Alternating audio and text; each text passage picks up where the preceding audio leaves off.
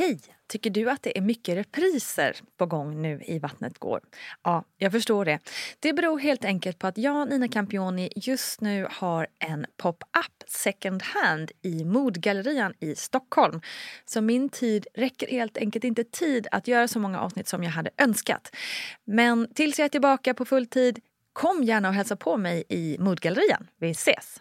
Välkommen till podden. Nina Campioni heter jag som driver den här poddfamiljen som ju innehåller Vattnet går, Barnet går och VG-ploggen. Och därför tänkte jag bjuda på en repris av ett väldigt viktigt och bra avsnitt. I alla fall i min egen mening. Jag hoppas att du också ska tycka om avsnittet lika mycket som jag. För det finns ju ganska många otroliga avsnitt i den här poddserien som ju har hållit på sedan 2015. Så därför kommer nu det här viktiga avsnittet i sin helhet igen. Varsågoda. Jag kände att något hade gått sönder. Liksom. Mm. Och, jag, ja, och jag, liksom, det, det, gjorde så ont och, och, det var jag vet inte, det var liksom utomkroppslig upplevelse. Och jag kände att det här, det här var inte så bra. Liksom. Det var något som inte stämde? Ja, men det kändes så. Mm. Mm. Välkommen bästa du till ännu ett avsnitt av Gravidpodden Vattnet går med mig Nina Campioni. Hoppas ni har det riktigt gött i sommarvärmen. Eller ja, när ni nu än lyssnar på det här. Det kan ju vara precis när som helst faktiskt. För ni vet väl att det finns ett rikt arkiv av viktiga, roliga och känslosamma avsnitt bakåt i tiden också. Och det som är så fint med en förlossningsberättelse är ju att den aldrig goes out of style så att säga. Så missa inte alla fina avsnitt bakåt i tiden. I veckans avsnitt så möter vi Frida Trönnberg som är yogalärare som har inriktat sig på bäckenbotten och trauman. Och genom kontot Helt Underliv så delar hon med sig av sina erfarenheter med en förlossningsskada och hjälper nu andra i liknande situation. För Frida fick inte den hjälp som hon har rätt till och gick länge med en skada i underlivet och med följden att hon både utvecklade posttraumatiskt stresssyndrom och depression. Men nu är hon tillbaka och berättar sin historia. Och med oss har vi också som vanligt barnmorskan Gudrun Abascal. Och ja, det var allt från mig. Nu över till Frida Trönberg.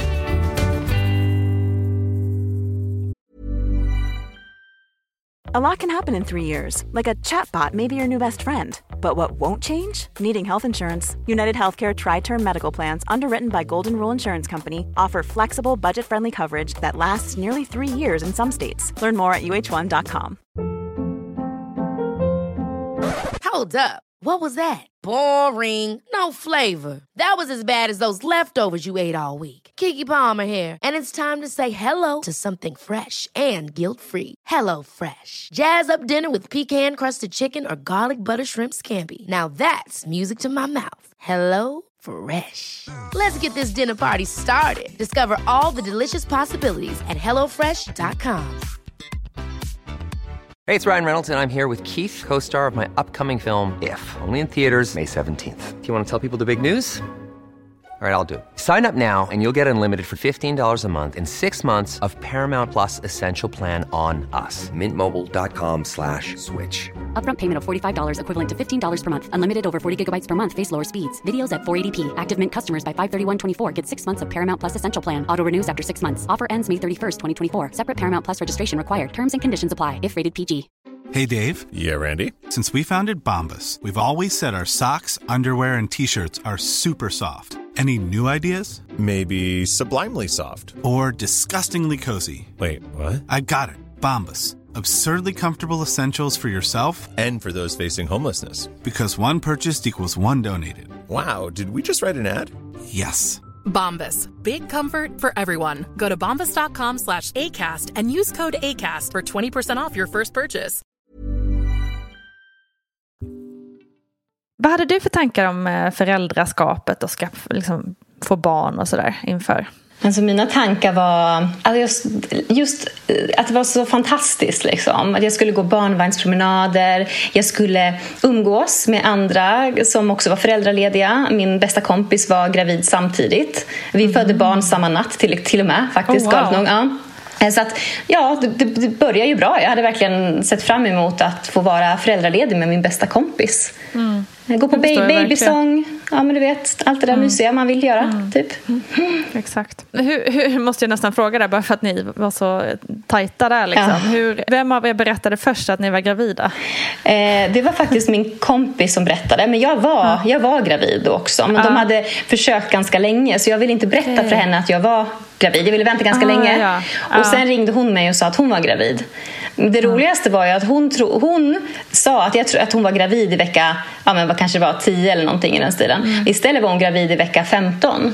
Oh, wow. Så att eh, när hon kom sen och skulle göra ultraljudet där i, i vecka 13 då var ju hon i vecka 18. Så barnmorskan Ah, ja. bara oj oj det här liksom, Så helt plötsligt så blev det ju att våra datum blev väldigt nära varandra när vi skulle föda. Ah. Hon var beräknad 10 april och jag 20 april. Och vi födde båda 26 april på natten. Det är helt otroligt. 58 minuters mellanrum. Men gud, På samma, på samma ja, BB ja, då? ja, absolut.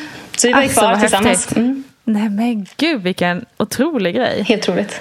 Det känns nästan som att det är ett, ett program för sig. Ja, det kan vi ta nästa prata om det. Då kan vi bjuda in henne också. Så får Ja, se. exakt. Ja, nej, det är superhäftigt verkligen. Mm. Men hade ni liksom kontakt med varandra när ni åkte? Alltså så, Ja, så att ni ja, ja. visste att ni var på väg in? och Hon, sådär så här, hon skulle in för, hon skulle sättas igång. Hon hade gått 16 dagars över tiden. Så att, eh, hon åkte in då på morgonen den 27, 25 för att sättas igång. Eh, och sen började mina verkar ungefär samtidigt som hon sattes Alltså, igång. Eh, och sen då så var hon kvar. Hennes förlopp tog längre tid än vad mitt var för hon var liksom igångsatt och så. Och sen så åkte jag in där någon gång vid nio på kvällen den 25 april. Och då, eh, sen liksom efter, allt eftersom verkarna blev värre, vi kunde ju inte liksom hålla på och skriva till varandra. Men våra män tog över. Så mellan verktopparna, vilan du vet. Då, så, då frågade jag så här, det första jag tänkte var, hur är det med Sara? Liksom. Och sen så fick jag uppdatering. Och sen samma sak då i, i, i Saras rum, att hennes man skrev, ah, Frida hon så här, så att, Ja, vad eh, häftigt. det var jättehäftigt. Och barnmorskorna, vi sa ju det. Så här, ja, men, eh, liksom, min bästa kompis ligger på avdelning 11 eller vad det var. Och de Mm. var okej. så här, de kunde ju såklart inte säga något. Det är ju tystnadsplikt liksom däremellan. Ja, ja, men men eh, ja, det var superhäftigt. Och sen så, hon var ju den första vän som såg min, min dotter. Hon, hon kom ju in i mitt rum Mm. I sin egen särk. Ja. Liksom. Gud vad fint. Ja, Vilken jättefint. otrolig berättelse att ha Mm. tillsammans. Men vi, ja, vi backar bandet lite grann. Då. Ja. Men hur, var det, hur kände du att det var att vara gravid då? Eh, de första månaderna mådde jag faktiskt väldigt, väldigt dåligt för jag mådde så illa. Så jag blev sjukskriven för hyperemesis. Eh, var Okej. inne på sjukhuset också. Och jag behövde inte få dropp någon gång eller sådär men, men jag mådde fruktansvärt illa. Eh, men sen efter när andra trimestern väl började då mådde jag superbra. Så Gud, då, det. Ja, det var jätteskönt. Så då, då började jag, jag började träna. Alltså jag hade skaffat en PT för första gången i mitt liv. Så jag tränade med henne liksom en gång i veckan hela graviditeten ut. Eh, Wow, på, jättebra ju. ja, på mitt beräknat förlossningsdatum då, då marklyfte jag. Liksom, och, och höll Snyggt. på. Så det, det var kul. Eh, Det jag bara önskar att jag hade lärt mig det var att slappna av i bäckenbotten. För det var något jag inte hade fått kunskap om kan jag säga. Som jag verkligen hade velat eller behövt ha eh, inför en förlossning. Men hur, med tanke på det här med bäckenbotten och så vidare, hur, Mm. för, hur förberedde du dig för förlossningen? Liksom? Både mentalt och kroppsligen. Då? Du tränade ju bra hör jag ju. Ja men precis, jag styrketränade ju mycket. Liksom. Ehm, jag, var yogalärare i grunden, eller jag är yogalärare i grunden. Ehm, yogat i jättemånga år, så jag gick på gravidyoga också. Ehm, så jag förberedde mig så gott jag kunde med de redskap jag hade där och då skulle jag säga. Ja. Det här med liksom förlossningsskador och så, var det någonting du hade någon oro för in, inför? Ja, det hade jag.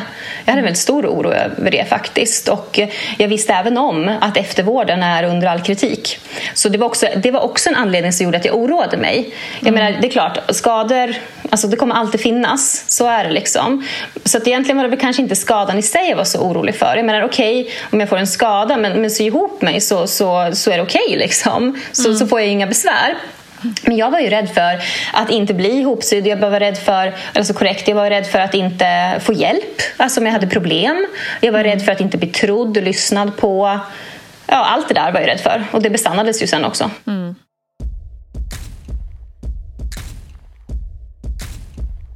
Ta oss nu då till den eh, 26 april för två år sedan. Precis. Eh, Den 26 april, jag hade ju åkt in där den eh, 25 eh, på kvällen.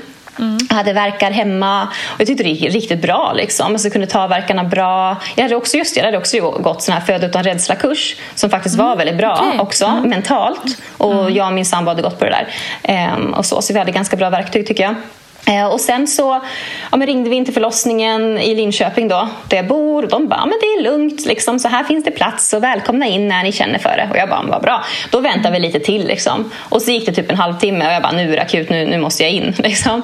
Och då när vi ringde, då var det helt plötsligt fullt. Alltså det är så här hur det kan ändras liksom. Okej, wow. Ja. Så att då var det så här, ah, det är inte säkert att du får vara i Linköping, det kan bli Norrköping kanske och så. För fråga där just Mm. apropå det här med fullbelagda BB. Det är ju väldigt mycket snack och mycket centrering kring Stockholm och Göteborg, alltså storstadsregionerna. Men hur är det, är det ett, liksom, ett problem även i Linköping upplever du? Ja, men det, det är det ju absolut. Och är helt galet att det kunde ändras från en halvtimme. Mm. Så sådär. snabbt, ja. Otroligt. Jag hade ingen aning att det, det kunde vara så. Men det är det ju verkligen. Mm. Ehm, så att det var liksom, ja, det kändes ganska olustigt när vi var på väg in.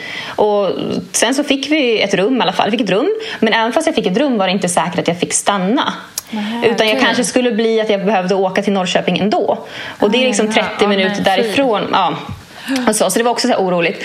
Ehm, och sen så visste jag ju så att om jag är öppen, jag hade läst någonstans, om jag liksom är öppen om en fem centimeter och över, då är jag mer aktiv liksom, förlossningsarbete och då tänker jag då borde jag få stanna. Så kollar barnmorskan mig och hon bara, du är öppen fem? Och jag bara, ja. Så här. Hon bara, men det är fortfarande inte säkert att du får stanna. Så, här. så jag bara, ah. liksom. Men sen så, sen så fick jag ju stanna sen och då kunde jag bara, åh skönt, då kan jag landa här liksom. Ehm, Så att alltså, jag ska säga så här, förlossningen överlag, jag, menar, jag, är, jag är nöjd med min förlossning. Alltså, jag eh, andades mig igenom det där, vi hade badkar eh, på, på toaletten. Liksom. Så att jag satt ju där väldigt mycket och öppnade mig jättebra. Jag bad om epidural, eh, men eh, narkosen hade alldeles för mycket att göra så att jag fick aldrig någon epidural. Och sen helt plötsligt var jag öppen 10 centimeter. Liksom. Eh, så jag hade lustgasen.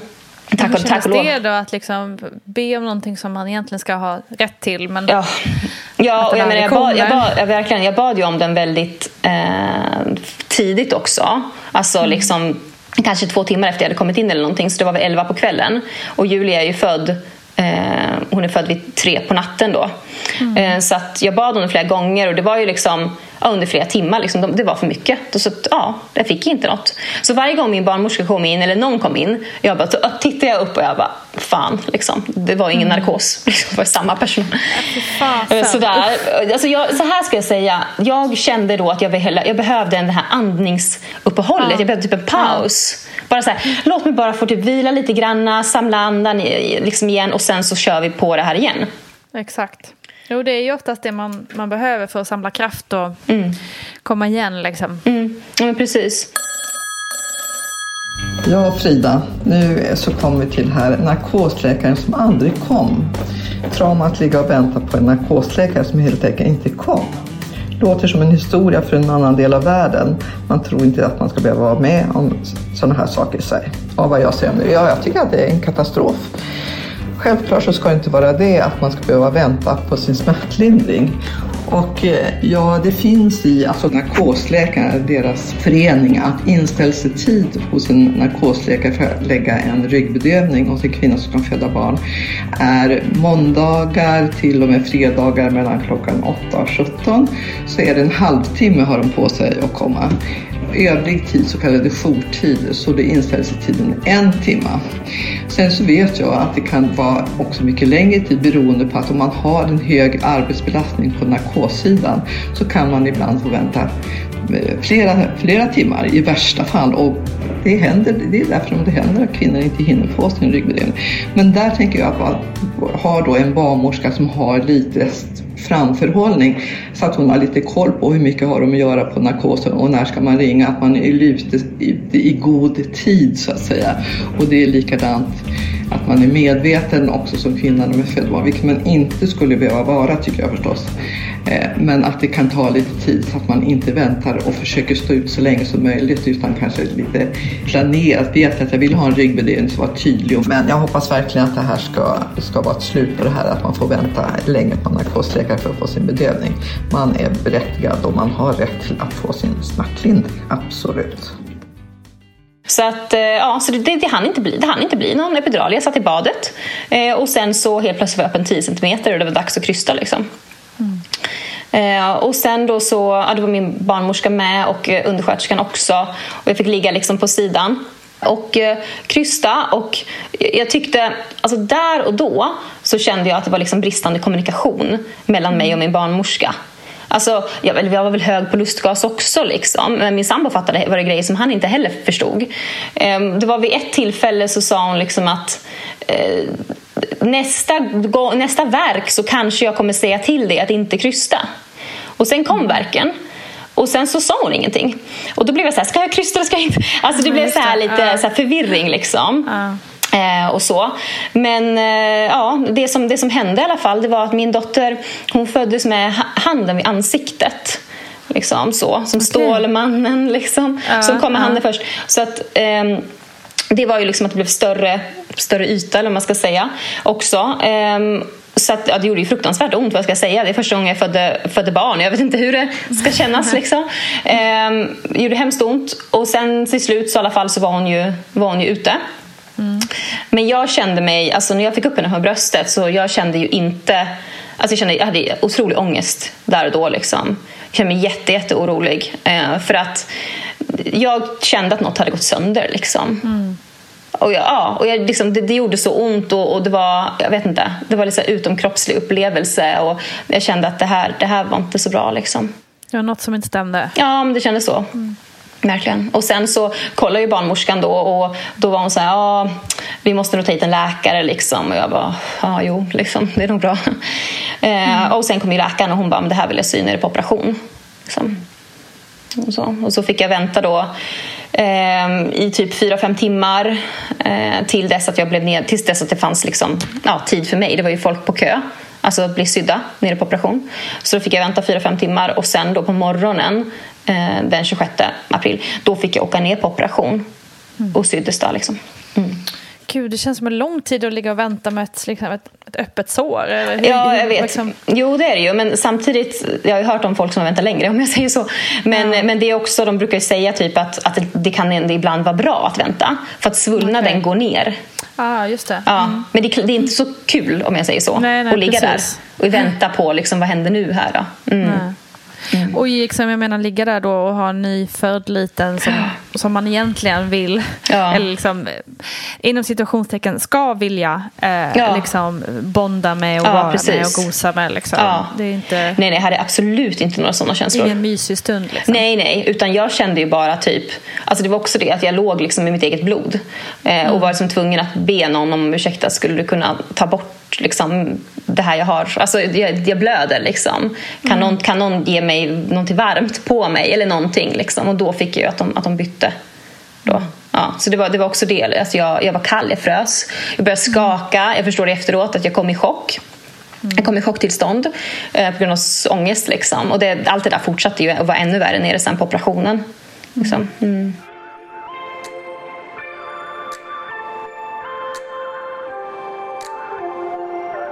Ja, men ta oss tid till operationen. Mm. Vad hände där? Eh, så då, då fick jag fråga, då kom ju narkosen. liksom. Då kom den, eh, och då fick jag frågan då, vill du bli sövd eller vill du få spinalbedövning och vara vaken? Och jag kände att jag absolut inte ville bli sövd. För att jag var som rädd för att alltså, kontroll, vad händer? Jag ville ha koll på vad som händer. Så jag sa att jag ville vara vaken. Eh, och jag fick lämna från mig Julia då till min sambo. Eh, och sen så, ja men, eh, åka, och, de skjutsade iväg mig till, till operation. Och där inne, liksom, det var ju verkligen ja, men, operationssal. Alltså helt sterilt och liksom, vitt och kändes allmänt obehagligt. Liksom. Det som kändes väldigt, väldigt jobbigt det var att, att jag, eh, alltså min mage var helt borta. Det, det var liksom som att jag, alltså det var som att Julia inte hade funnits. Liksom. Mm. Alltså så här, och de sa till och med oj magen är helt borta. Jag bara, ja jo. Och jag vet inte, det var, det var, det var så märkligt. Liksom hela den situationen. Eh, och sen så ja, satte de i spinalbedövning och det gick bra. Eh, och sen så, så kom läkaren in som skulle operera dem. Och jag låg ju och skakade hela tiden. Alltså fruktansvärt mycket. Av chock, vilket jag inte fattade då. Eh, de kunde och, inte ge dig någonting Jo, jo, jo. De, de la på mig värmefilt på värmefilt på värmefilt. Men det hjälpte inte. Mm. Hela i mitt huvud. De lindade in mitt huvud i en värmefilt. Liksom. Mm. Eh, men, så att, ja, det var verkligen chocktillstånd. Och sen då så gjorde ju inte saken bättre av att när man är vaken då, ja, det, det, det, var ju det jag valde och jag är ändå nöjd med mitt val. Men det är också det att det blir så saker som att hon, läkaren var tvungen att lämna hon, för att hon skulle gå och sätta en sugklocka. Något akut hände det liksom. Hon var tvungen att gå. Eh, läkaren blev lite osäker på en sak så hon var tvungen att kalla in kolorektalkirurgen. För jag hade fått en sån här grad 3 då när man brister in i ändtarmen. Mm. Så han kom in där och liksom skulle titta och fixa ja, mycket sådär orosmoment runt själva, mm. eh, alltså runt själva operationen också. Mm. Um, så totalt där var jag nere där ungefär två timmar. Men jag är inte opererad under hela tiden utan det var att hon försvann ju iväg, läkaren. Och, ja. Gud vilken utelämnad situation. Ja, det var väldigt, väldigt, väldigt utelämnad. Och sen då så, ja, sen så körde de upp, upp mig då igen. Mm. Eh, det var BB var fullt så vi fick ligga kvar på förlossningen. Alltså det var typ två timmar till bara i samma rum. Och sen blev vi överflyttade då till, eh, till BB. Mm. Eh, och fick den här frukostbrickan äntligen. Liksom. Men jag, vet inte, jag var så himla orolig. Liksom. För att mm. När jag fick reda på att jag hade fått en grad 3 då tänkte jag på riktigt, nu är det kört. Därför att jag oh. hade läst på alltså just om hur eftervården kan vara.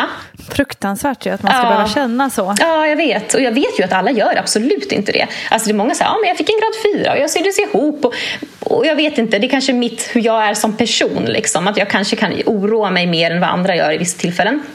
Men ja, jag vet du. Du, man ska ju inte sticka under stol med att det, det är ju de storiesarna som man hör också hela tiden att det, att det är ett problem. Och det, ja. och det har ju vården själva också erkänt absolut. att man har problem med det här. Ja, absolut. Så det är inte alls konstigt att, man har, att du kände den oron. Nej, nej, nej men precis, precis. Ja, nej men så, ja, men så var vi på BB i alla fall och eh, redan efter typ liksom sex timmar eller någonting, då hade de ju koll, då hade läkaren kommit och kollat Julia och sådär och de bara, nu kan ni åka hem om ni vill och jag bara, eh, men jag kan inte gå, så Nej, jag tror Gud. inte det. Liksom. Nej. Så här, alltså jag kunde typ inte röra mig. Alltså det, det var så fruktansvärt ont. Liksom. Jag var ju sydd så mycket också. Ju. Eh, mm. jag läste ju sen i journalen efteråt liksom, att min läkare hade skrivit att, att eller liksom operationen bedöms som komplicerad. Och jag visste ändå att hon var en av de bästa läkare som sjukhuset hade på att operera. Och att hon sa att den var komplicerad och det gjorde inte saken bättre. Liksom. Nej, gud vilken ångest. Ja. Så sen, ja, vi var kvar på BB några dagar i alla fall. Eh, och sen, så, sen, åkte, sen åkte vi hem. Liksom. Mm. Men hur funkar det när du var där? Liksom, kom de och tittade till det Nej. såret då och då? Eller det var helt galet också. För att jag var ju så otroligt orolig, orolig för den här uh, bristningen. Mm. Att, och den skulle läka och sådär. Så att jag bad ju till och med en barnmorska sista dagen. Jag bara, är det någon som kan titta på mig? Alltså kan titta på, jag var rädd för infektioner, att stygn hade släppt. Du vet, mm. hur ser det ut? Mm. Så, så det var något jag själv bad om. Liksom, så. Mm. Däremot, så något som var otroligt värdefullt, eh, och det har ju inte alla sjukhus, absolut inte, det var ju att en fysioterapeut inom kvinnohälsa eh, kom och besökte mig. För hon gick över då till, hon gick in hos alla mammor som hade fått grad 3 eller 4 och gav lite råd om liksom bäckenbottenträning kan man säga och vad som är normalt och inte normalt och lite så. Mm. Så det besöket av alla besök, sen var det allmänt inspringande ut och in liksom hela tiden tyckte jag där. Men, men det besöket som lugnade mig mest det var ju min, alltså min fysioterapeuts besök. Mm. Um, och för hon blev min fysioterapeut sen också, men det visste jag inte då. Jag träffade henne nästan ett halvår senare okay. på grund av skadan. Då. Mm. Mm. Ja, men så åkte ni hem i alla fall mm. och eh, jag gissar att det inte kändes toppen. Nej, eh, alltså det gjorde det verkligen inte. Jag kommer ihåg att jag grät på vägen hem. Liksom. Det var bara en kort sträcka, men jag grät på vägen hem för jag var så himla orolig och hade så himla mycket ångest över den här med skadan. För jag kände inte att det här känns inte bra. Liksom. Och det gjorde ont. Och jag vet inte hur länge ska det här göra ont då? Alltså mycket sådär mm. oro kring det. Och också så här, hur länge ska jag vänta då? Innan jag vet om de har sytt mig rätt. Liksom, så här. Eh, det ska bli bättre hela tiden så jag bara, men jag får hålla ut liksom. Men det blev ju inte bättre, det blev bara värre. Allt mm. eftersom mm. veckorna gick liksom för mig. Mm. Som sagt, som vi sa innan, den här tiden ska ju vara mm. lära känna varandra, mamma ja. och bebis och liksom vara mm. nära och mysa och så. Ah. Det är i alla fall den bilden man längtat efter. Absolut, liksom det var det jag längtade efter. Ja. Ja. Men hur blev det? Eh, nej, jag, alltså, jag gjorde det jag skulle göra om man säger så. Jag mm. försökte amma och amma gick ju okej okay, liksom de första, första månaderna tills dess att jag mådde så dåligt så slutade jag sen. Men, men jag ammade, jag bytte på henne. Men du vet, jag gjorde de här sakerna. Alltså, organiserade det hela bra. Men jag hade ju fruktansvärt ont. Jag kunde ju inte sitta eh, och amma. Eh, Utan jag var hela tiden tvungen att typ ligga liksom, på sidan och försöka få till det. Och det bara, allt gjorde bara ont. Alltså, det gjorde ont i bäckenbotten, det gjorde mitt underliv, allt sved. Och, och så hade jag så mycket ångest. Och, ja. Så att jag hade, alltså, min fokus, det som mitt huvud liksom tänkte på, det var att bara fixa så att hon är torr och så hon är mätt och sover. Eh, och sen liksom var jag, hade jag bara ångest och var så orolig över min egen skada. Mm, så jag, jag hade absolut inget fokus på att, att bonda med mitt barn. Nej. Liksom. Nej. För, nej, det... Jag förstår det. Mm.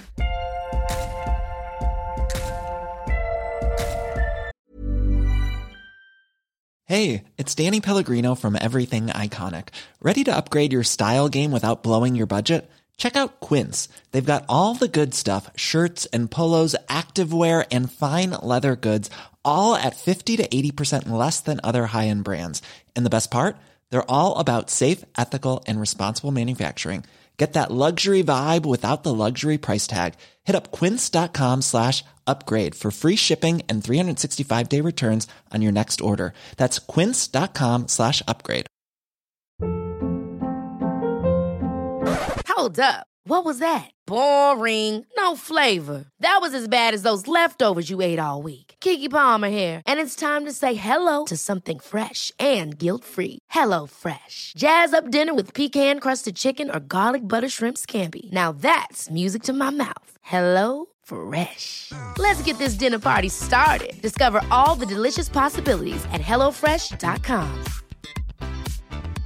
A lot can happen in three years, like a chatbot may be your new best friend. But what won't change? Needing health insurance. United Healthcare Tri Term Medical Plans, underwritten by Golden Rule Insurance Company, offer flexible, budget friendly coverage that lasts nearly three years in some states. Learn more at uh1.com. Quality sleep is essential. That's why the Sleep Number Smart Bed is designed for your ever evolving sleep needs. Need a bed that's firmer or softer on either side? Helps you sleep at a comfortable temperature? Sleep Number Smart Beds let you individualize your comfort so you sleep better together. JD Power ranks Sleep Number number 1 in customer satisfaction with mattresses purchased in-store. And now, save 50% on the Sleep Number limited edition Smart Bed for a limited time. For JD Power 2023 award information, visit jdpower.com/awards. Only at a Sleep Number store or sleepnumber.com. Hey, it's Ryan Reynolds, and I'm here with Keith, co star of my upcoming film, If, only in theaters, May 17th. Do you want to tell people the big news? All right, I'll do it. Sign up now and you'll get unlimited for $15 a month and six months of Paramount Plus Essential Plan on us. Mintmobile.com slash switch. Upfront payment of $45 equivalent to $15 per month. Unlimited over 40 gigabytes per month. Face lower speeds. Videos at 480p. Active Mint customers by 531.24 get six months of Paramount Plus Essential Plan. Auto renews after six months. Offer ends May 31st, 2024. Separate Paramount Plus registration required. Terms and conditions apply if rated PG. Okej, du sa att det bara blev värre. Ja. Berätta. Jag upplevde att eh, alltså, det, det blev, jag ska säga, smärtan ändrade karaktär. Först var det ju smärta på grund av att liksom, det var sår, det var stygn och allt det där. Så sen försvann stygnen och, liksom, och det, det läkte, såret läkte bra. Men det jag hade kvar var ju, alltså, det gjorde ont djupt inne liksom, i bäckenbotten. Det förstod jag sen, det var musklerna. Alltså, jag hade jätteont, jag hade liksom tyngd och Alltså det, det verk, alltså tänk dig som att du har nackspärr, men att den nackspärren är i bäckenbotten. Alltså att musklerna liksom spänns så otroligt mycket. Så, sån smärta hade jag. Djup, djup smärta. Sen hade jag också alltså, eh, urinträngningar. Jag var kissnödig konstant. Konstant kissnödig. Eh, och det visade sig sen då på efterkontrollen åtta veckor efter som jag verkligen hade bara nu, nu kan de äntligen hitta om något är fel. Det är nu det hittas liksom. Eh, då hade jag ju massa frågor. Och då, det där med urinträngningar i alla fall, det visade sig faktiskt att jag hade urinvägsinfektion. Eh, men det förklarade ändå inte alla urinträngningar. För sen när urinvägsinfektionen var borta, då var urinträngningarna kvar. Liksom. Eh, så jättemycket urinvägsinfektioner. Jag hade fyra, fem stycken på varandra eh, som återkom. Eh, och eh, ja, sen så hade jag så kraftig, kraftig smärta. Så det var smärtan liksom som, som begränsade mig mest. Och det är ju någonting man verkligen kan bli deprimerad av. Alltså om du är Ja, smärtpåverkad också. Ja, det är liksom. fruktansvärt. Ja. Det vet man ju bara om man liksom haft ryggskott. Ja, eller absolut, något. Absolut. Och några dagar blir man ju helt knäckt. Liksom. Ja, precis. Tänk, Men- att, tänk att ha det här då i ja, sju, åtta månader. Liksom. Ja, nej, det är inte klokt. Mm. Men hur upplevde du att du blev bemött där då? Eh, efter kontrollen, alltså under all kritik, jag fick ju komma till en läkare i alla fall eftersom att jag hade fått en grad 3. Och då ska inte en barnmorska titta utan då ska en läkare titta. Eh, och eh, ja, vad ska jag säga? Hon gjorde en undersökning, sa att allt ser fint ut. Eh, och eh, sen så sa jag, jag tror att jag, jag läst på, jag tror att jag är överspänd i min bäckenbotten. Och då svarade hon att vara överspänd är inget farligt. Liksom. Och, jag bara, och då sa jag, det är det väl visst det. Kan ju orsaka jättemycket smärta, även ländryggsmärta har jag läst. Och det svarade hon inte, det svarade hon inte på. Ja, nej, det var det. Sen, sen, sen så kastade hon mig ut i samhället, eller livet och bara Aha. varsågod och Så lev. du skulle bara få gå med den här smärtan? Ja, liksom. exakt. Det var inga konstigheter? Nej, nej, det skulle försvinna. Jag skulle knipa mer. Knipa. Ja, ja, okej. Lite till. Mera. Liksom Tack, så. tack för hjälpen. Ja, precis. Så det var det. Var det. Och jag bara, okej, jaha. Eh, och det här var ju sommaren 2018, du vet, och det var då det var så fruktansvärt varmt. varmaste. Mm. Exakt. Så att det var ju så varmt och jag kunde inte bada på grund av urinvägsinfektioner. Eh, och jag var heller inte, jag var inte i Linköping under sommaren. Utan jag var i sommarstugan, min familjs sommarstuga uppe i Hälsingland. Eh, på ett litet, litet, litet sjukhus där som jag sökte hjälp när det blev bara värre och värre. Det var återkommande urinvägsinfektioner och ja, de hittade ju heller ingenting. Liksom. Eh, De, hade inte ens, de hade inte ens gynekolog på plats liksom, så de kunde inte undersöka eller något. Så det är ju smittosamma. Ehm, ja, och sen så åkte jag sen till min, hem, till min eh, hemstad Uppsala och sökte hjälp där också. Ehm, För att jag var, vi, var kvar där, vi var där i Uppsala under sommaren för att det var så otroligt varmt i vår lilla lägenhet i Linköping. Så då bodde vi hos mina föräldrar. Eh, Och kunde få lite avlastning också med Julia och sådär. Eh, Där var det också, där sökte jag gynakuten. Eh, ja, och hittade heller inga skador liksom. Kom till gynekologen igen där i Uppsala. Det såg bra ut, jag hade överaktiv blåsa enligt henne. Jag skulle knipa mer. Jag sa, men det, jag tror jag har muskelskador. Och hon sa, nej, nej, kanske lite uttänjd bindväv. Och jag bara, ja, okej, men allt såg fint ut liksom. Ja, så där eh, höll det ju på liksom. Och, och jag menar, sen, sen då hade det ju, det var, hade hela sommaren gått. Eh, och sen så någon gång i september 2018, alltså ett halvår ungefär efter min förlossning, då, då kraschade jag fullständigt. Liksom. Då hade jag ju sett, hur många, jag hade sett jättemånga läkare. Eh, jag hade även varit på urologen och gjort så här cystoskopi, alltså när man går in med en kamera i urinblåsan. Därför att jag hade ju så problem med urinträngningar så jag visste ju inte vad jag skulle söka mig. Jag trodde att, det var, att jag hade Nej, fel exakt. på min blåsa på grund av alla urinvägsinfektioner också. Men det hade jag ju inte. Han förstod ingenting. Det här är ju inget fel på det här. Liksom. Och då sa ju han Men det är här... det också att du ska tvingas söka liksom, Ja, det var ju för så att hela få tiden. hjälp och bli skickad till rätt person. Ja, ja, jag hade ingen aning. Jag bara, jag har ont liksom. Jag vet inte vad som. Herregud. Så att sen så, och han var ju så här, men det här är ju inte, alltså det är inget fel på din blåsa. Han bara, det här låter som en förlossningsskada. Och det var ju det jag inte ville att det skulle vara. Jag hade försökt slå bort det hela tiden. För det var det sista. Jag hade, då hade jag hellre velat haft problem med blåsan. Typ. För jag tänkte det kan de nog fixa bättre än en förlossningsskada. Men nu i efterhand så är jag liksom så här, herregud. Alltså att problem med blåsan är verkligen inte kul. En sån kronisk sjukdom liksom. Så ja, det, till slut, liksom ett halv, ja, men halvår efter min förlossning, så då blev jag sjukskriven. Då kontaktade jag min BVC-sköterska och jag bara, alltså jag mår så otroligt dåligt. Eh, och hon bara, okej. Okay. Så ringde liksom vårdcentralen, trappade ner på en gång. Jag fick akuttid samma dag. Träffade världens bästa läkare. Han sjukskrev mig på sex veckor direkt. Eh, och sen eftersom att det var liksom ett barn också som var involverat i det här, då vill de kontakta psykiatrin också. Så att jag inte har förlossningspsykos. Det var det jag ville kolla. Ja. Eh, Så att då fick jag akuttid hos psykiatrin dagen därpå. Så med det psykiska gick det ju ganska fort om jag säger Ja, så. Det var ju verkligen. otippat liksom. Ja. Men Eh, också att det ska behöva gå så lång tid liksom, Ja. innan man får den där Ja, hjälpen. ja verkligen, verkligen. Men det är fantastiskt när, när det väl funkar, liksom, då, att det kan gå så fort. Då. Jo, men precis. Mm. Så sen i alla fall så, ja, så var jag sjukskriven i sex veckor och började äta antidepressiva också. Liksom. Och mitt under den perioden, då, då lyckades jag liksom samla upp mig själv till att börja göra lite mer research. Alltså var söker jag hjälp? Gick med i en fantastisk Facebookgrupp eh, som någon kanske har pratat om här förut. Men den heter Förlossningsskadad, du är inte ensam. Eh, Världens bästa grupp som jag fått så mycket hjälp ifrån. Upptäcker då att jag, tror eller ej, bor i landstinget där specialistkunskap gällande förlossningsskador finns. Så jag bor i Linköping och här finns Eva Usdahl som är alltså en av de främsta läkarna i landet på att laga förlossningsskador. Jobbat med det, hon har jobbat med det i hur många år som helst. Så att jag förstod att det är henne jag ska till. Liksom. Så att jag under den här tiden då skickade en egen remiss för second opinion till henne. Jag anmälde även till patientnämnden och då blev det lite fart, kan jag säga. Eh, anmälde eftersom att det var så många som inte hade hittat mina skador på efterkontrollen Exakt. i Linköping. Så liksom bara, var, det är Hur kan man inte ens bara så här sätta upp, här, hmm, en Ja. liten flagga, det kanske kan... Exakt. Alltså, Exakt. jättekonstigt. Jag tycker också det är jätte, jättemärkligt. Liksom. Ehm, verkligen.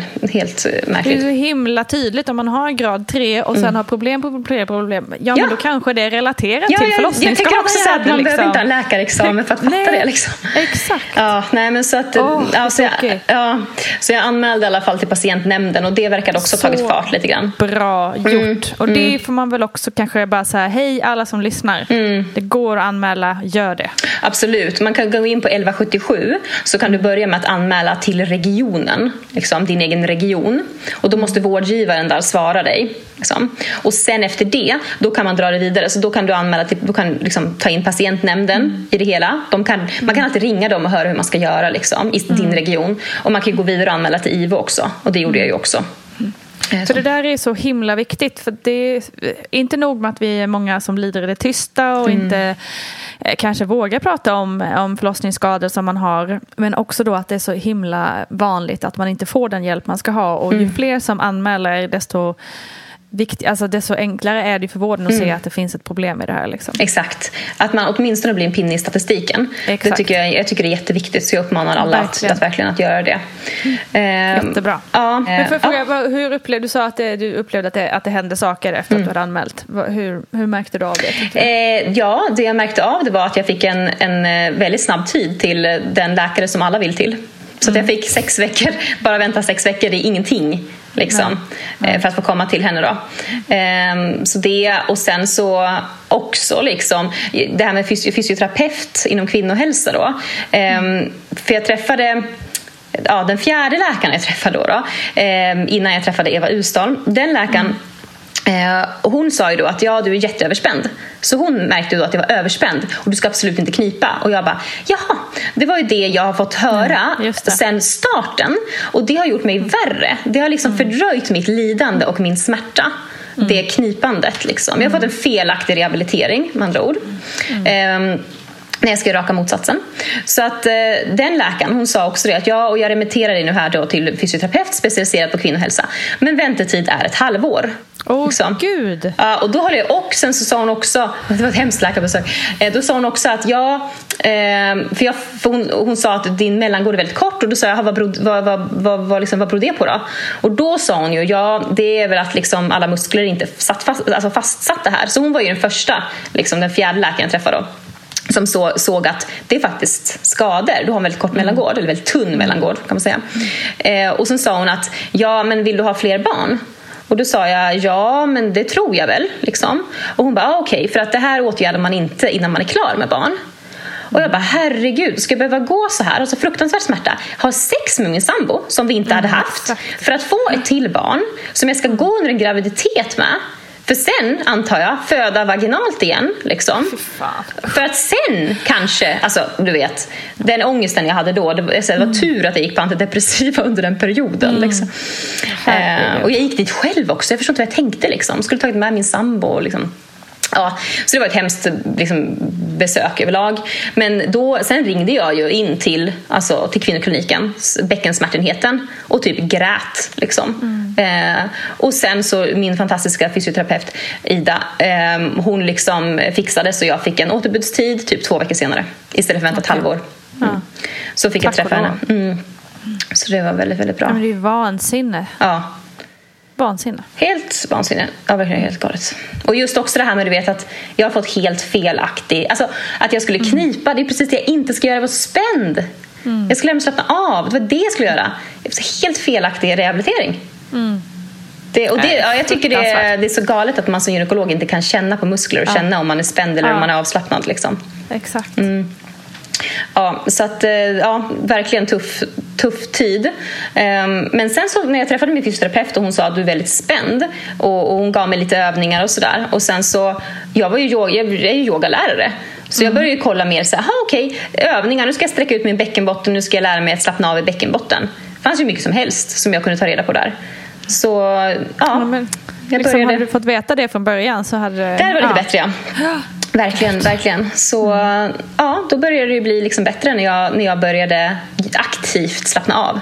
Ja. Alltså just den här smärtan liksom började försvinna. blev bättre. Ja, gud ja. Alltså det var som Wow. natt och dag. Alltså dels sluta knipa överhuvudtaget. Mm. Och sen började jag istället typ massera. Alltså jag kunde sitta på typ en tennisboll och massera eh, bäckenbottens muskler. Liksom. Och jag kunde också man kunde massera från insidan av slidan. Jag kunde jobba med djupavslappning och andas ner i bäckenbotten.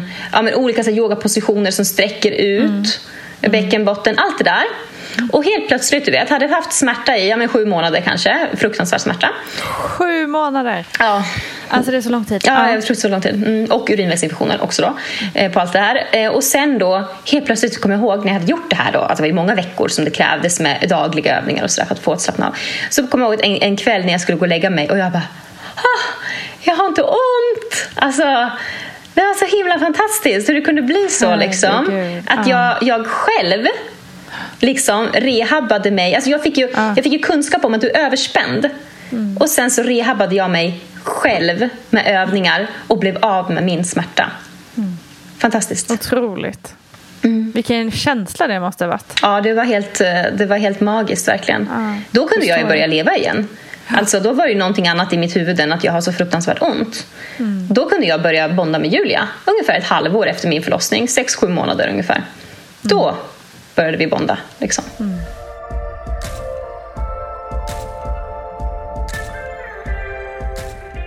Gud, det så, det blir så, det så här onödig... Ja, men det är få saker som man blir så himla uppriven av. Det är så här onödig smärta och Ja. onödigt psykiskt lidande. Ja. Som hade kunnat liksom plockats upp direkt. Ja, men egentligen. gud ja. För mitt psykiska mående, det var ju liksom helt kopplat till skadan. Ja. Och att jag inte fick hjälp och att jag sen hade väldigt ont. Och du vet, allt det där. För jag upplevde ju inte förlossningen som traumatisk som sagt. Nej. Det var hela den här grejen att jag hade fått en skada. Alltså just det där och att jag var orolig för vad som skulle hända. Och så hände det också. Alltså, märkligt liksom. Hur var det sen när du fick träffa den här superläkaren? Superläkaren eh, träffade jag ungefär åtta månader, eh, nio månader efter min förlossning. Eh, och då tog jag med min sambo i alla fall, så då hade jag fixat barnvakt. Eh, jag var så oerhört nervös den dagen. Därför att jag var så rädd att hon skulle säga till mig, för hon är ju bäst i landet. Och jag menar, om hon inte kan fixa mig, vem ska då kunna fixa mig? Jag ska Ja. säga då att min smärta hade ju försvunnit så gott som helt, för jag hade lärt mig att slappna av. Men däremot så kunde jag ju inte aktivera min bäckenbotten ordentligt. För att, som fysion, min fysioterapeut också sa, du har, det är en grop, liksom, det var en grop på, på, i, inuti slidan som tyder på att muskler inte sitter fast. Så det är självklart att man inte kan knipa fast någonting som inte sitter fast. Liksom. Ehm, så jag var orolig för att de skulle säga att jag är ehm, ja, är hopplöst fall. finns inget att göra. Liksom. Men eh, när jag eh, träffade henne då och så berättade jag om mina skador och så sa så och så. ehm, och så undersökte hon mig och så sa hon det här, nu blev jag lite positivt överraskad sa hon. För att hon trodde att jag hade mycket större skador än vad jag faktiskt hade då. Ehm, och så kände hon liksom att, ja okej, jag hade tre trasiga muskler som, inte, som behövde sys fast. Och så hade jag trasig bindväv mellan slida och tarm, den här fascian också som ger stöd, också trasig. Och det kunde hon laga. Eh, och sen hade jag också revor på båda sidor i den här djupare delen av bäckenbottenmuskulaturen, levatormuskulaturen heter den. Och det sa hon att det kan jag inte laga. Så det har hon re- rever i då, eh, på bägge sidor. Det var så bra liksom för att jag fick en operation sen tre månader senare och det är precis, ja det är drygt ett år sedan jag opererades. Jag opererades 12 mars eh, 2019. Det är liksom datumet då jag fick eh, livet åter. Jag var uppe på kvinnokliniken och gav dem choklad på min årsdag, 12 mars. Liksom, och skrev Faktiskt, för det betyder väldigt mycket för mig. Eh, verkligen, verkligen. Verkligen rörd när jag, när jag, när jag tänker på det. Eh, hur, hur fint bemött jag blev av, av min läkare Eva och min fysioterapeut Ida. Så, eh, ja, så inför operationen i alla fall, då hade jag jobbat på så mycket yoga, så mycket avslappning. För jag vet att vid en operation, när muskler har varit lösa, de kan till och med krulla ihop sig och lägga sig i ljumsken. Och sen ska de dras ut igen. De hade inte suttit fast, de hade inte suttit fast på ett år ju. Nej. Och så drog de ut dem och satt fast. Och då liksom kan det bli väldigt spänt och göra fruktansvärt ont. Så att kunna slappna av då inför en operation efter en operation är otroligt viktigt verkligen. Och jag hade verkligen lärt mig det då. Eh, så att jag eh, ja, gjorde de, det jag kunde göra. Andades djupt ner i bäckenbotten och stretchade den vägen och sådär. Så jag blev aldrig överspänd efter min operation. Fantastiskt. Ja, det var så himla fantastiskt. Och sen så var det väl några veckor senare eller någon månad senare eller något sånt där, efter min operation då var jag på en sån här kvinnocirkel som jag hade gått på som hade varit jättestort stöd för mig. Och då skulle vi dansa Eh, och det var så himla fantastiskt du vet, för jag hade inte kunnat dansa innan för det var så tungt och jag kände att det var typ någonting som hängde, alltså det var ju lösa muskler som hängde liksom och tyngde. Mm. Och nu så bara, shit vilken stuns liksom, alltså bara när musklerna är uppe igen, sitter fast och jag mm. kunde dansa, jag kunde njuta av det, alltså det var en sån fantastisk känsla. Eh, verkligen och Ja, helt otroligt. Sen efter det, jag menar, en operation är verkligen ingen quick fix. Jag, menar, jag har ju jobbat med rehab, egen rehab, så otroligt mycket efter Mm. efter operationen. Operationen är ett år sedan och jag började springa faktiskt. Jag var kanske lite feg med det men jag började löpträna ungefär för tre månader sedan kanske. Mm. Ett år efter min operation. Så jag har mm. verkligen jobbat upp jättemycket styrka. Um, i den. I Vad sa, pratade du någonting med din läkare där om om alla de här läkarbesöken du har gjort som inte har upptäckt någonting. Ja. Liksom. Vad, ja. säger hon om hur, vad säger hon om eftervården så att säga? Alltså, jag vill inte lägga eh, min, jag vill inte, jag vill inte uttala mig om vad Eva tycker i det fallet men man kan säga om man har läst tidningsartiklar att hon tycker att den är ganska bristfällig om man säger så. Och grejen är det att, att eh, det är ju så här att hon tar ju inte bara hand om kvinnor inom den egna regionen. Alltså hon tar inte Nej. bara hand om personer i Östergötlands region. Alltså hon tar ju hand om kvinnor i hela Sverige. Mm. Som antingen skickar egenremisser, nu är det dock stängt för egenremiss, men skickar egenremisser till Linköping eller, eh, för att träffa henne. Eller som låter läkare bara tvinga läkaren, nu remitterar du vidare. Liksom. Mm. Mm. Så att, jag menar, hon träffar ju kvinnor, de flyger ju, alltså det är kvinnor från mm. Kiruna du vet. Mm. Som, som måste ta ledigt, de är barnvakt och det är hit och dit och de flyger hela vägen till Linköping kanske opereras och liksom flyger upp samma... Alltså du vet, det är helt galet. Mm. Liksom. Mm. Men eh, hon träffar ju hela Sveriges kvinnor. Och det är en mm. anledning till att hon gör det. Varför, löses, varför fixas inte, varför sys inte de här kvinnorna korrekt i sina egna regioner? Det är Precis. oerhört ojämlikt mellan vilken region man är i. Jag har mm. haft tur och bott i rätt region. Mm. Liksom. Och jag sökte ju även vård i andra regioner. Jag har ju testat på det. Och det gick ju inte så bra om jag säger så. Liksom. Ja, det är inte det lättaste. Nej, nej. Det fick ju ingen hjälp alls. Mina skador nej. hittades ju inte. Inte ens nej. när jag frågar. Tror du inte att jag har en förlossningsskada? Jag tycker symptomen påminner. Nej, nej, nej. Du, kanske lite uttöjd bindväv. Come on. Liksom. Det är ett Ja. Så det är också så här, jag tycker också att alla följare borde gå in på bäckenbottenutbildning.se backenbottenutbildning.se. Där är min läkare Eva Ustal och Gunilla Tegerstedt i Huddinge eh, på Karolinska som också är en av de främsta läkare i landet då på att laga förlossningsskador. Det är de som har gjort den hemsidan. De har skapat den hemsidan. Och där har de skrivit om symptom på olika muskelskador. För beroende på vilken muskel i bäckenbotten som är sönder så uttrycker det sig eh, på, på, olika, sätt. sätt. På olika sätt. Mm. Så att när man läser där, då kan man nästan diagnostisera sig själv. Lite farligt mm. kanske, men jag förstår att kvinnor gör det när vården mm. är så bristfällig. Mm. Så här, jag tror att jag har en skada på puborectalis. Alltså, de här kvinnorna som inte får hjälp, de kan rabbla bäckenbottens muskler baklänges. De kan vara mm. mer pålästa än vad gynekologerna själva är. För vi måste vara det. Exakt. Vi måste kunna val. ifrågasätta. Vi måste kunna säga att det är inte bara hela området som gör ont utan det är här det gör ont. Du vet? den här. Ja. Mm. Gud.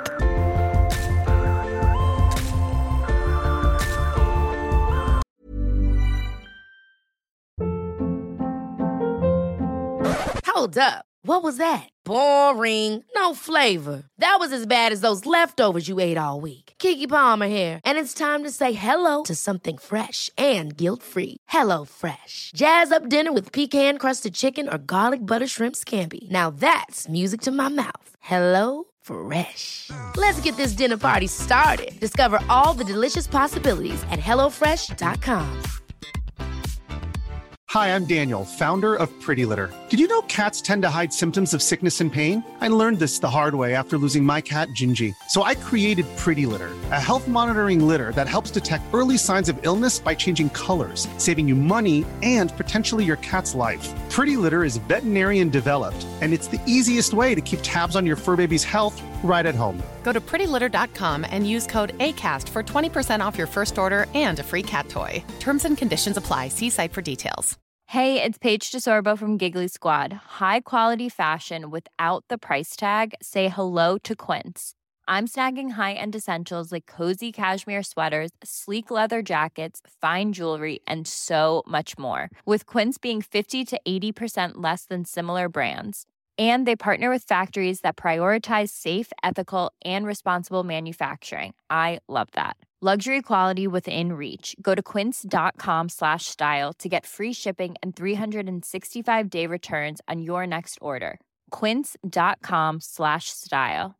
Imagine the softest sheets you've ever felt. Now imagine them getting even softer over time. That's what you'll feel with Bowl and Branch's organic cotton sheets. In a recent customer survey, 96% replied that Bowl and Branch sheets get softer with every wash. Start getting your best night's sleep in these sheets that get softer and softer for years to come. Try their sheets with a 30-night guarantee. Plus, get 15% off your first order at bowlandbranch.com. Code BUTTERY. Exclusions apply. See site for details.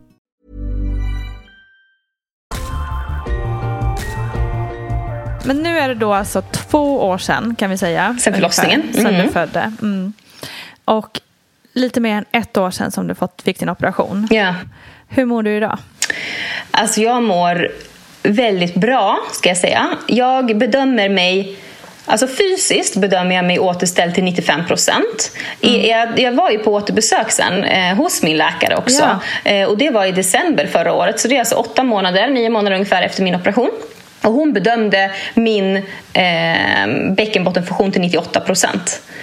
Så att jag har läkt oerhört bra. Men jag har gjort så mycket egen rehab med liksom Inga isolerande knipövningar överhuvudtaget för de gör mig överspända. Men jag har stärkt upp liksom, um, bäckenbotten genom att göra andra, andra typer av övningar, inte just isolerande knip. Då. Så att, uh, ja, jag, jag tränar kampsport igen. Jag är kampsportare i grunden. Eh, inom jujutsu. Så jag tränar kampsport igen. Eh, ja, men jag springer ju också. Eh, jag, eh, ja, jag kan hoppa liksom. Eh, ja, jag tycker som sagt min bäckenbottenfunktion är, är väldigt bra. Det jag kan känna av det är att jag kan bli överspänd på min högra sida. Ibland. Eh, för där har jag kvar en reva eh, som inte är läkt än. Men de andra tre revorna jag hade i musklen, musklerna som inte skulle kunna läka, de har jag på ett mirakulöst sätt läkt. Så det är helt fantastiskt just att, att, Ja. eh, att kunna göra det. det själv. Ja. Mm. Hur mår du mentalt då? Mentalt är det också alltså, återställd. Alltså, vet, så här, när man har varit med om ett så stort trauma, det, det är svårt att liksom... Jag tror inte det finns någon väg tillbaka, att jag ska bli så som jag var innan allt det här hände. Utan jag är liksom ny på något sätt. Alltså mer i, mer i bagaget, mer livserfarenheter. Ehm, jag har lärt mig så mycket om mig själv.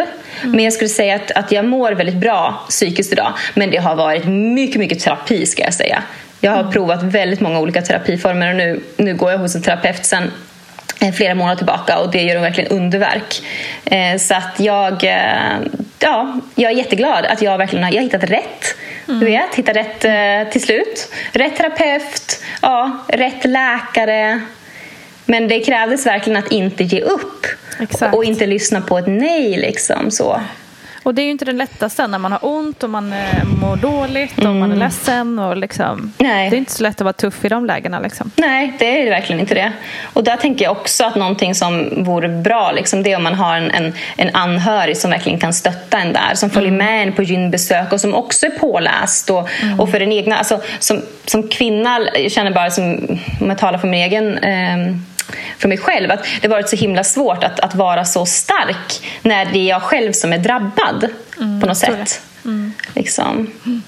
Um, jo, men det kan nog många känna igen, inklusive jag själv. Att mm. det är enklare att vara stark för någon annan. Liksom. Mm. Jo men precis, precis. Mm. Så jag tycker att det, alltså, jag, jag mår bra idag skulle jag säga, absolut. Mm. Men jag är inte samma som jag var innan. Men det är helt okej okay, liksom. För vem kan vara det efter något sånt här? Och man har blivit mamma också. Och jag och Julia vi tar igen förlorad tid och det, det är så mm. himla fantastiskt att, att, få, att få vara med henne. Och känna mm. att den där att den kärleken eh, verkligen, har, verkligen har kommit. Och sen, så, ja, och sen hjälper jag ju andra nu också eh, med mitt konto.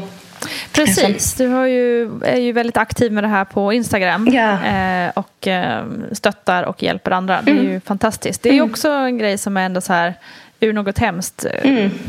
föds något fint. Liksom. Ja, men precis. precis. Så ja, Helt Underliv har varit alltså, en viktig, viktig plattform för mig att kunna mm. sprida kunskap både gällande rehab för bäckenbotten men också psyket. Tipsar mm. om olika terapimetoder, liksom, vad man kan kräva, var hjälpen finns, lite sådana saker. Mm. Eh, så det känns bra. Hur går dina tankar nu då på eventuellt syskon till Julia? Ja, eh, dels, jag skulle jättegärna vilja ha eh, ett mm. syskon. Det skulle jag. Jag är helt garanterad kejsarsnitt. Eh, tack och lov. Eh, mm. Och det har min läkare skrivit in i journalen så jag hoppas inte mm. att någon jävlas mm. med mig eh, för då ger jag mig inte.